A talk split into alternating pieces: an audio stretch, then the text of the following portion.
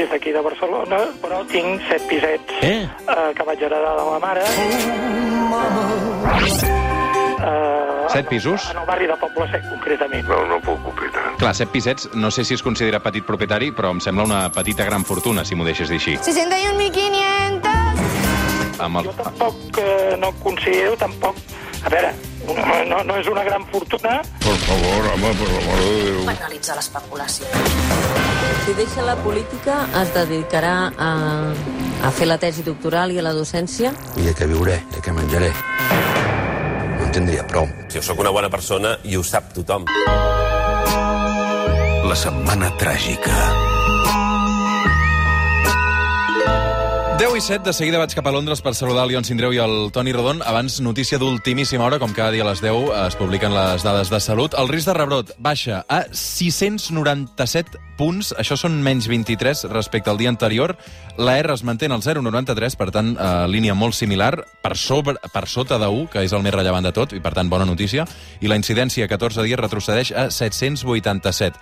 Hi ha hagut 300 no, 3.199 eh, nous casos i 53 morts més. Per tant, xifres en la línia dels últims dies, en la línia d'aquesta eh, davallada lleugera, en aquest eh, petit doncs, eh, acostament i millora respecte al que estàvem comentant aquests últims dies. Ara sí, 10 i 8, des de Londres, Ion Sindreu, periodista, columnista del Wall Street Journal. Bon dia. Bon dia. Què tal, Ion? Bé, aguantant, aguantant. Sobrevivint. Setmana d'aquestes, sí, sí, uh, dura, però, però mira, ja, ja ho tenim fet, això. Toni Rodon, bon dia. Bon dia i bona hora. Doctor europeu en Ciències eh, Polítiques, investigador a la London School of Economics, professor de la, de la UPF. Et dic professor de la UPF perquè si no sé que el teu rector se t'enfada, eh? Uh, no, no, no s'enfada. El que passa és que és un, és el rector de la Pompeu és un fan del, de la Setmana Tràgica i, clar, també no, no volem quedar malament ara. Des d'aquí una abraçada també pel, pel rector de, de la Pompeu. Uh, Toni, què tal, tu? Bé, una mica com en Jon, aguantant. Setmanes terribles fins que, fins que acabi aquest uh, any terrible, ja una vegada. Per posar-vos de bon humor, uh, deixeu-me que, que us ambienti, va.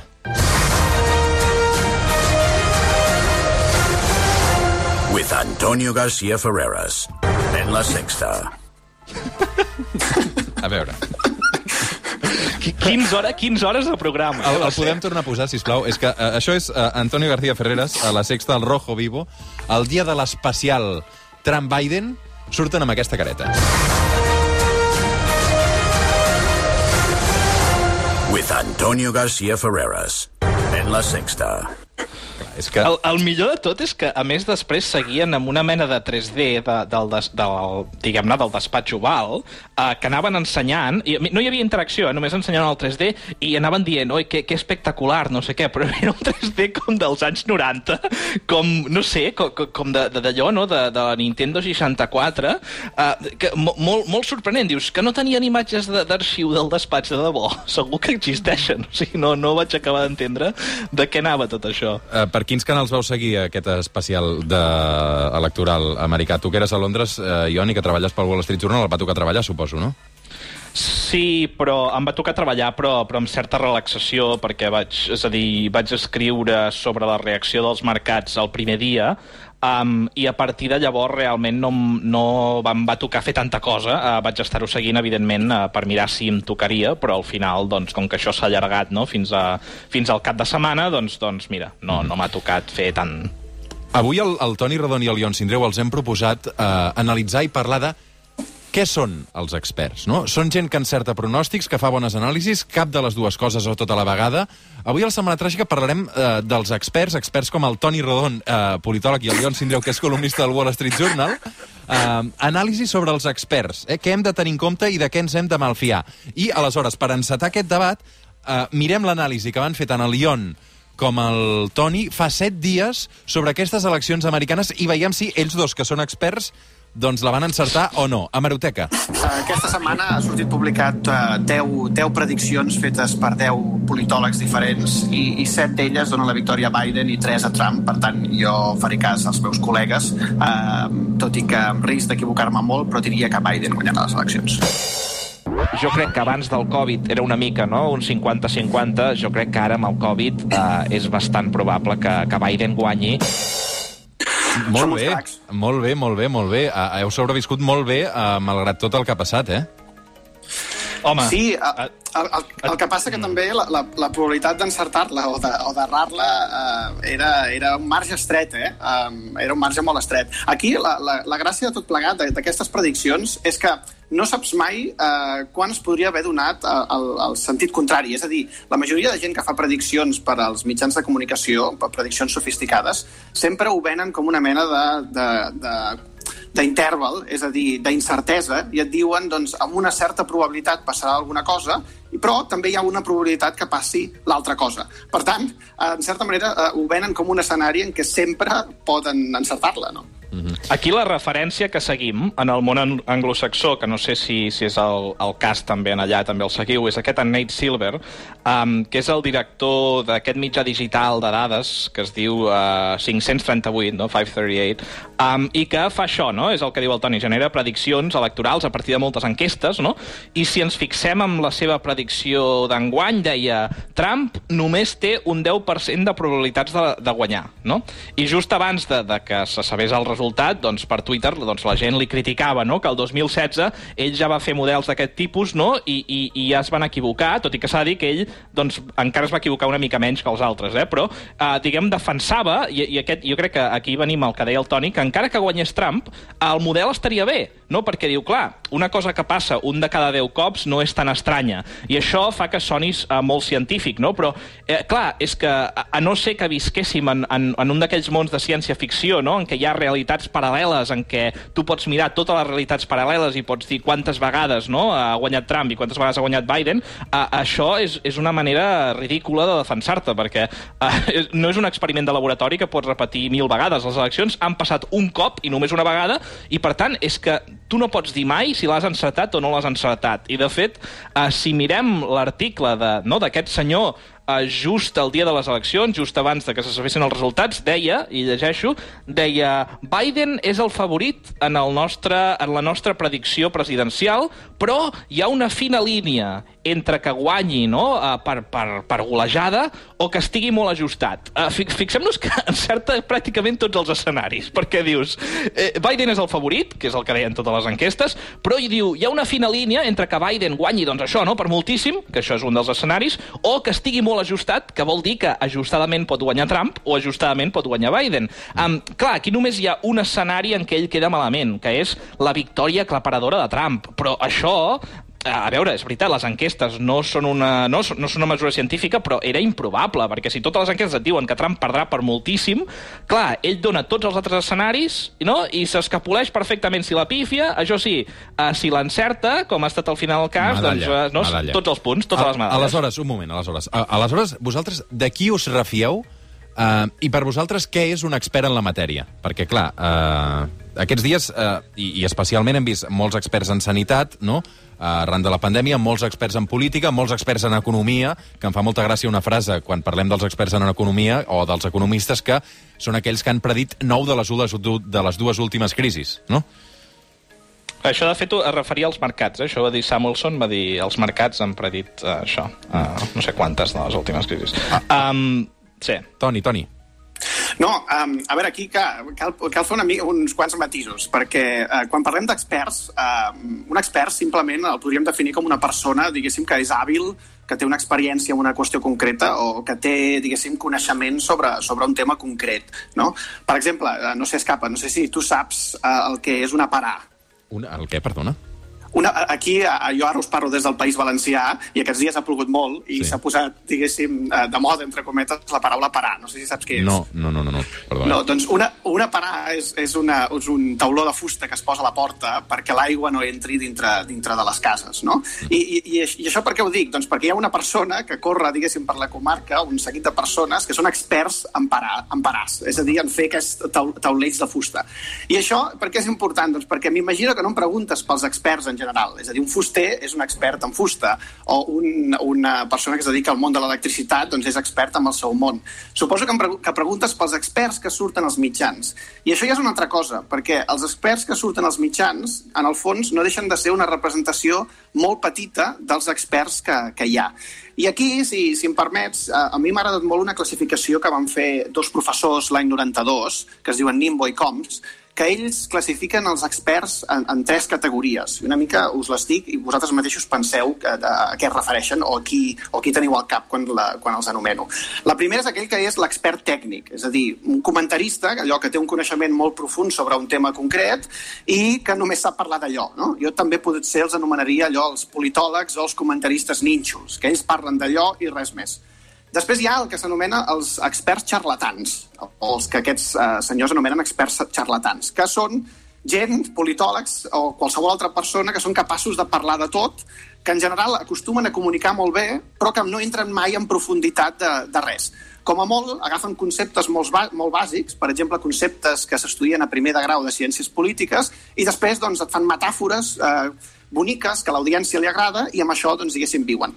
I finalment el tercer és el que s'anomenen els experts oracles. Són experts, per exemple, politòlegs, que no només eh, t'expliquen una mica què ha passat, sinó que prediuen allò que passarà. És a dir, que t'expliquen una mica què és el que passarà. Està molt bé això que estem fent, però hem de començar a posar noms propis, perquè si no, clar... Uh, és a dir, l'oracle seria i, i uh, una mica Niño Becerra?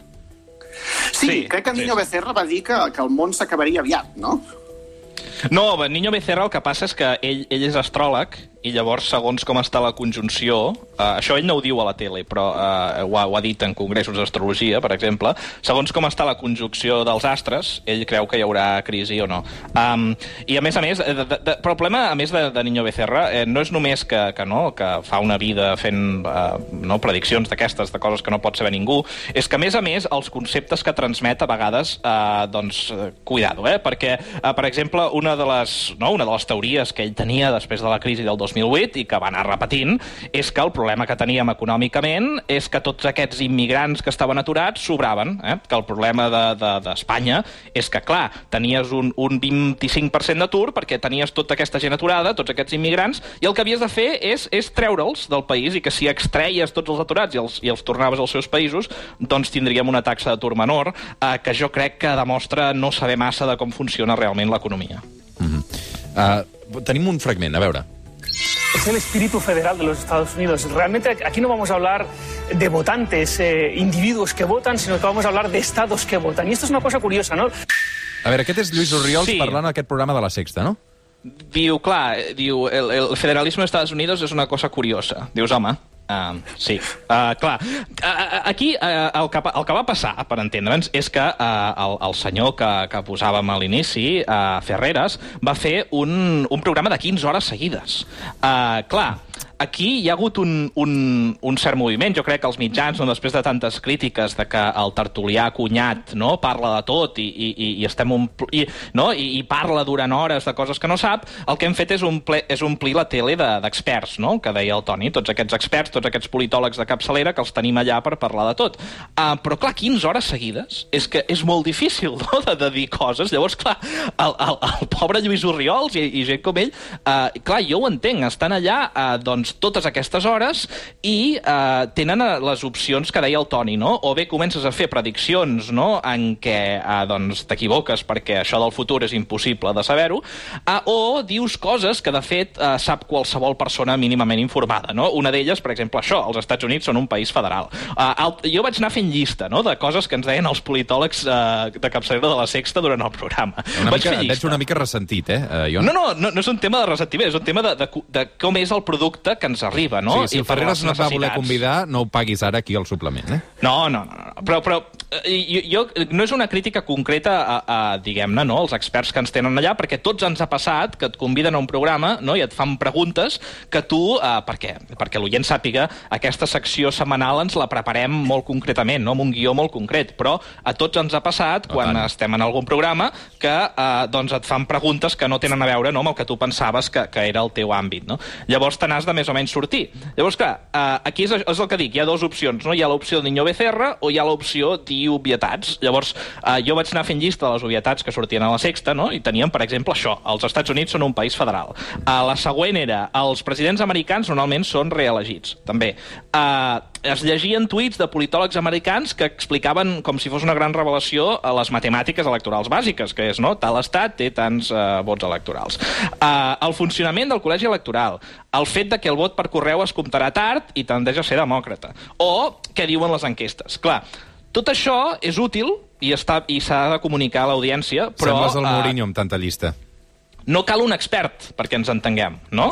Escapa, és a dir, això, el, el, el, la gent del teu programa, Això això, ho pot consultar en 5 minuts i ho pots explicar tu. Llavors, aquí jo crec que hi ha un tema del format, no?, de fins a quin punt eh, doncs dona més autoritat eh, que hi hagi un, un expert, no? Llavors, clar, al final també eh, tu mateix, no?, com a expert, acabes eh, jugant molt aquest joc, no? Per exemple, jo llegia un, un tuit del, del, del Lluís Oriols el divendres que deia, diu, si tots els, que, si tots els estats que estan a l'aire ara es tornen blaus, la victòria demòcrata seria incontestable. Dius, sí, clar, sí, sí, amb un resultat pendent guanyes a tot arreu, doncs, doncs la teva victòria és, és incontestable. Uh, llavors, uh, jo crec que, que potser que part d'aquest és el problema, no? que, que o te'n vas a la predicció o te'n vas a l'obvietat, uh, però he de dir que per mi el, el que més em molesta, i, i és, el, és el que deia ara de, de, de, del Nate Silver, que jo crec que el Nate Silver precisament és un tio que fa coses que estan molt bé, eh? uh, però uh, a mi el que molesta simplement, uh, i per exemple tenim molts altres exemples, el periodista de dades del The Economist, per exemple, uh, l'altre dia deia, quan ja es veia que el vot per correu no, anava a favor de Biden, deia, uh, va tuitejar, diu, us estem dient tots el mateix i, eh, i, i tots alhora. És, això s'ha acabat, això ho guanyarà Biden segur. Dius, home, sí, ho va guanyar Biden i, i, i el fet de, no, de, de remarcar que el vot per correu és més demòcrata és, és una dada interessant, però, però cal tenir aquesta, aquest to, no? aquesta seguretat, aquest dir als altres que si no estan d'acord amb el seu anàlisi són tots burros, doncs potser no cal, no? perquè després a vegades t'equivoques i llavors quedes malament, uh, però llavors és quan surts amb allò de dir no, però és que jo vaig dir que en un 10% dels cops, home, doncs no ho sé. A veure, Toni, va, posa-hi una mica de llum a tot plegat, perquè veig que el, ton, el, el Ion està una mica capficat, eh? No, no, no, però jo de fet estic totalment d'acord amb, amb, amb el que diuen. Jo, jo crec que aquí el, el model d'expert eh, que nosaltres tenim al cap, o com a mínim jo tinc al cap, és probablement l'expert aquell de tipus anglosaxó, eh, bàsicament americà, que es passa anys investigant i que després decideix fer un llibre divulgatiu o, o una mena doncs, de, de conferències divulgatives, etc etc. Per exemple, eh, aquí hi ha dos personatges que ja sé que en Jon no, som, no, no, no és molt fan, perquè n'hem parlat alguna vegada, que són Acemoglu i Robinson, que tenen un llibre que, que es va fer famós, que es diu Why Nations Fail, fa, fa uns anys, i bé, tu pots estar uh, d'acord o en desacord amb la seva tesi. Aquí no, aquesta no és la qüestió, però com a mínim és un llibre, diguéssim, que ha sortit d'anys d'investigació, no? Llavors, el problema és que molt sovint, quan es diu expert a una persona, nosaltres tenim això al cap. Aleshores, però, després acabem veient una persona que hi va i com que ha de parlar 15 hores o ha de dir obvietats per omplir el tema, eh, hi ha una mica de decepció i simplement s'acaba equiparant el fet que una persona és expert simplement perquè parla bé o comunica bé. Però clar, això és un altre nivell d'expertesa, no és l'expert original del que estàvem parlant. Mm -hmm. Escolta'm, ara, eh, a nivell d'experts, els que tots busquem, eh, començant pel suplement, són els epidemiòlegs. En teniu algun de capçalera, vosaltres? Jo no. No, no, no, no. Però, però és interessant, per exemple, amb els epidemiòlegs, perquè també passa quelcom eh, molt semblant amb la ciència política, no? que és que ells han de comunicar alguna cosa molt difícil, que és la incertesa. Sí. Les prediccions, eh, allò que passarà al futur, per naturalesa és incert, i eh, hi ha diferents visions de com ha de ser aquest futur. No? I, per tant, en el fons són decisions o són opinions informades que tenen un cert risc d'equivocar-se i molt sovint la gent no entén que, encara que s'equivoqui, no ho fan per mala fe, sinó que simplement potser al cap tenen un model que no ha acabat funcionant. Mm -hmm. Ion. No, i, i és el que dèiem, que, que uh, l'equiparació d'un expert en ciència social al d'un expert en medicina, no? o, o ja no diguem en, en física o en enginyeria, simplement no és el mateix perquè uh, que són, uh, diguem-ne, disciplines que no generen prediccions. Uh, I nosaltres sabem que l'economia falla en predir el futur, sabem que la politologia falla en predir el futur, uh, per tant, uh, la idea no, de que tu pots portar un, un expert que et dirà el mateix que et porti un expert en medicina simplement uh, no, no és cert.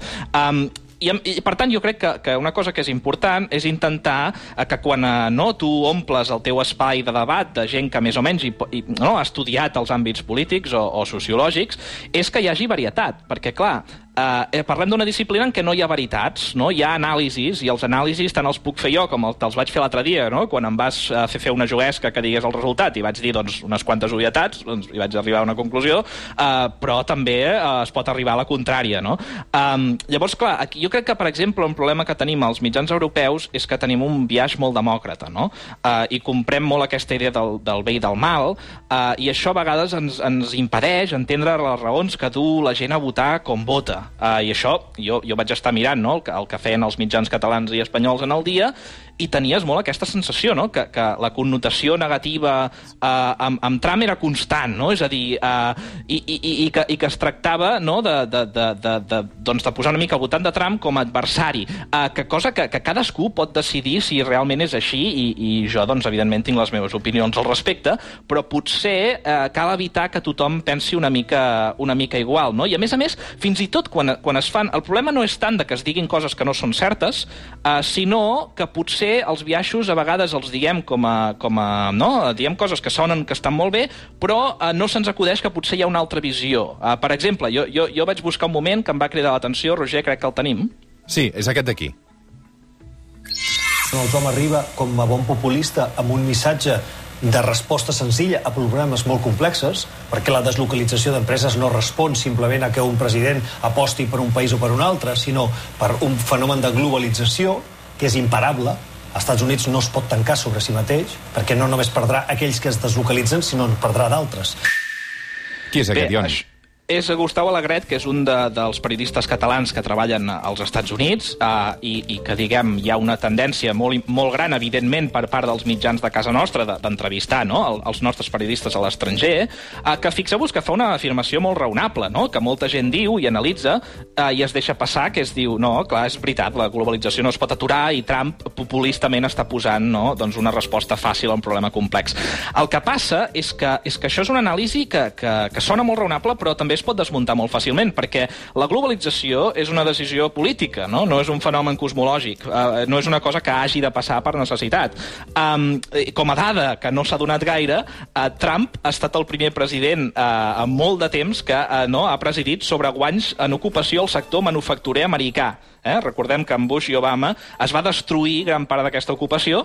Amb Trump ha pujat, això abans del coronavirus, un, un, amb unes 450.000 persones. Uh, clar, això és necessàriament bo o dolent? Uh, no, però explica coses, potser sí, no? Aquesta idea de que, ah, no, és que això és una destrucció natural que ve del cosmos i, i no es pot aturar. Uh, bé, uh, doncs, evidentment, Trump doncs, ha proposat solucions aparentment fàcils a problemes complexos, però aquestes solucions han tingut cert efecte i a vegades quan les analitzem d'aquesta manera, no? amb, un, amb un discurs que sembla fet pels experts i sembla molt raonable i que s'ha pensat molt, ah, és que això, clar, no es pot fer res, um, clar, a vegades aquest discurs també ve, eh, també és molt senzill, no? i el fem amb, amb una voluntat de complexitat que no té a veure amb la realitat i, eh, a més a més, amb el problema de que, evidentment, la gent que som de fora i treballem eh, a països així tenim un viatge molt fort eh, per estar a favor de la globalització i potser a vegades la gent que, que treballen allà és diferent de com nosaltres la veiem. Toni.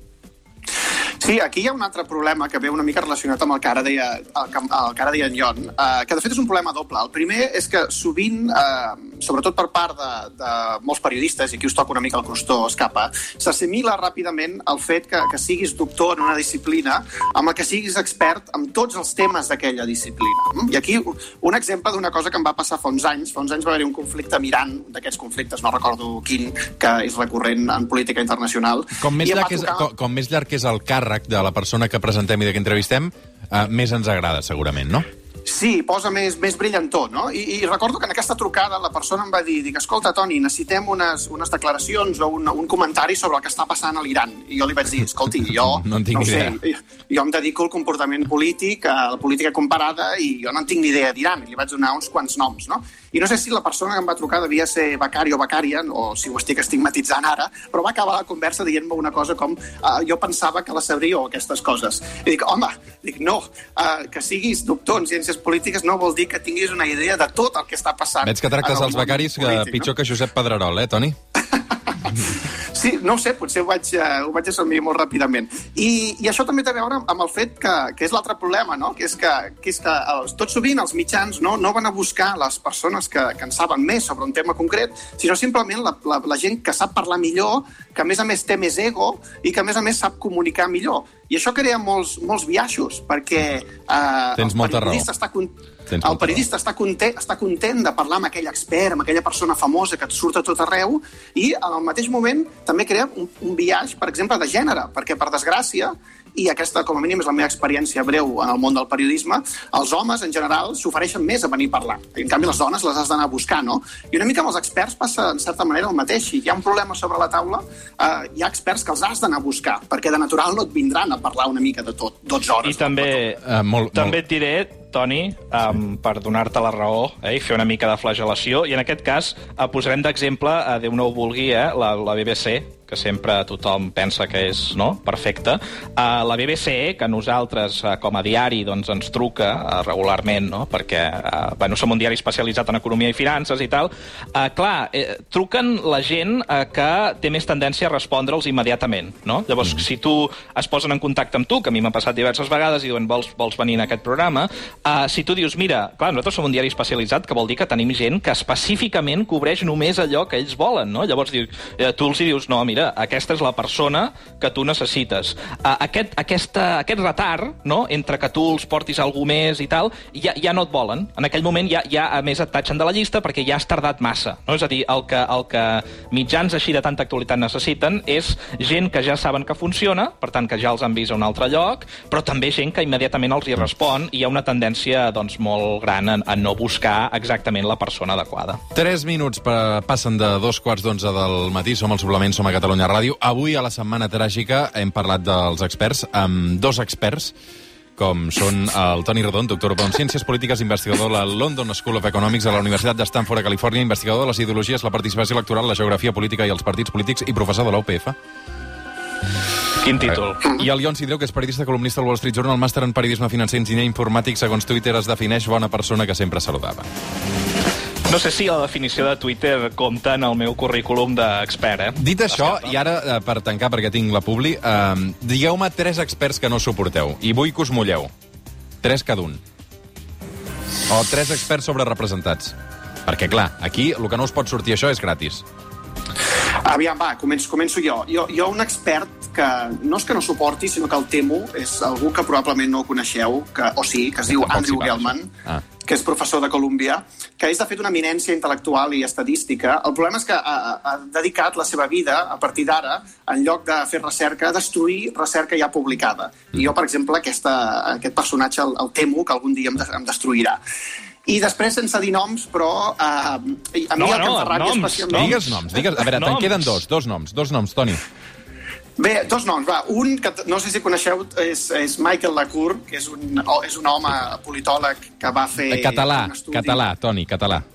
No, no, no, no. La, la meva professió eh, em per, no em permet, diguéssim, bé, que ara doncs em posi dinar noms. Suspens no, no. total. Uh, Ion, Bueno, jo, jo et diré a Steven Pinker, no, no, no el puc suportar, uh, tot i que ha tingut molta fama català, darrerament. algun català, català, català, català. Uh, va, va, però m'has dit tres. Sí. Et diré Paul Krugman, que Sí. crec que sabeu qui és. Sí, home. confesso tenir-lo molt atrevessat i algun dia podríem parlar de per què.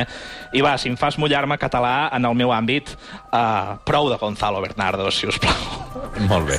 Uh, L'únic que s'ha mullat una mica, una mica, una mica ha estat el, el Ion i molt poquet, perquè ha dit una cosa que... Home, però t'he t'he criticat Niño Becerra. Sí, sí, sí, sí, sí, sí, sí.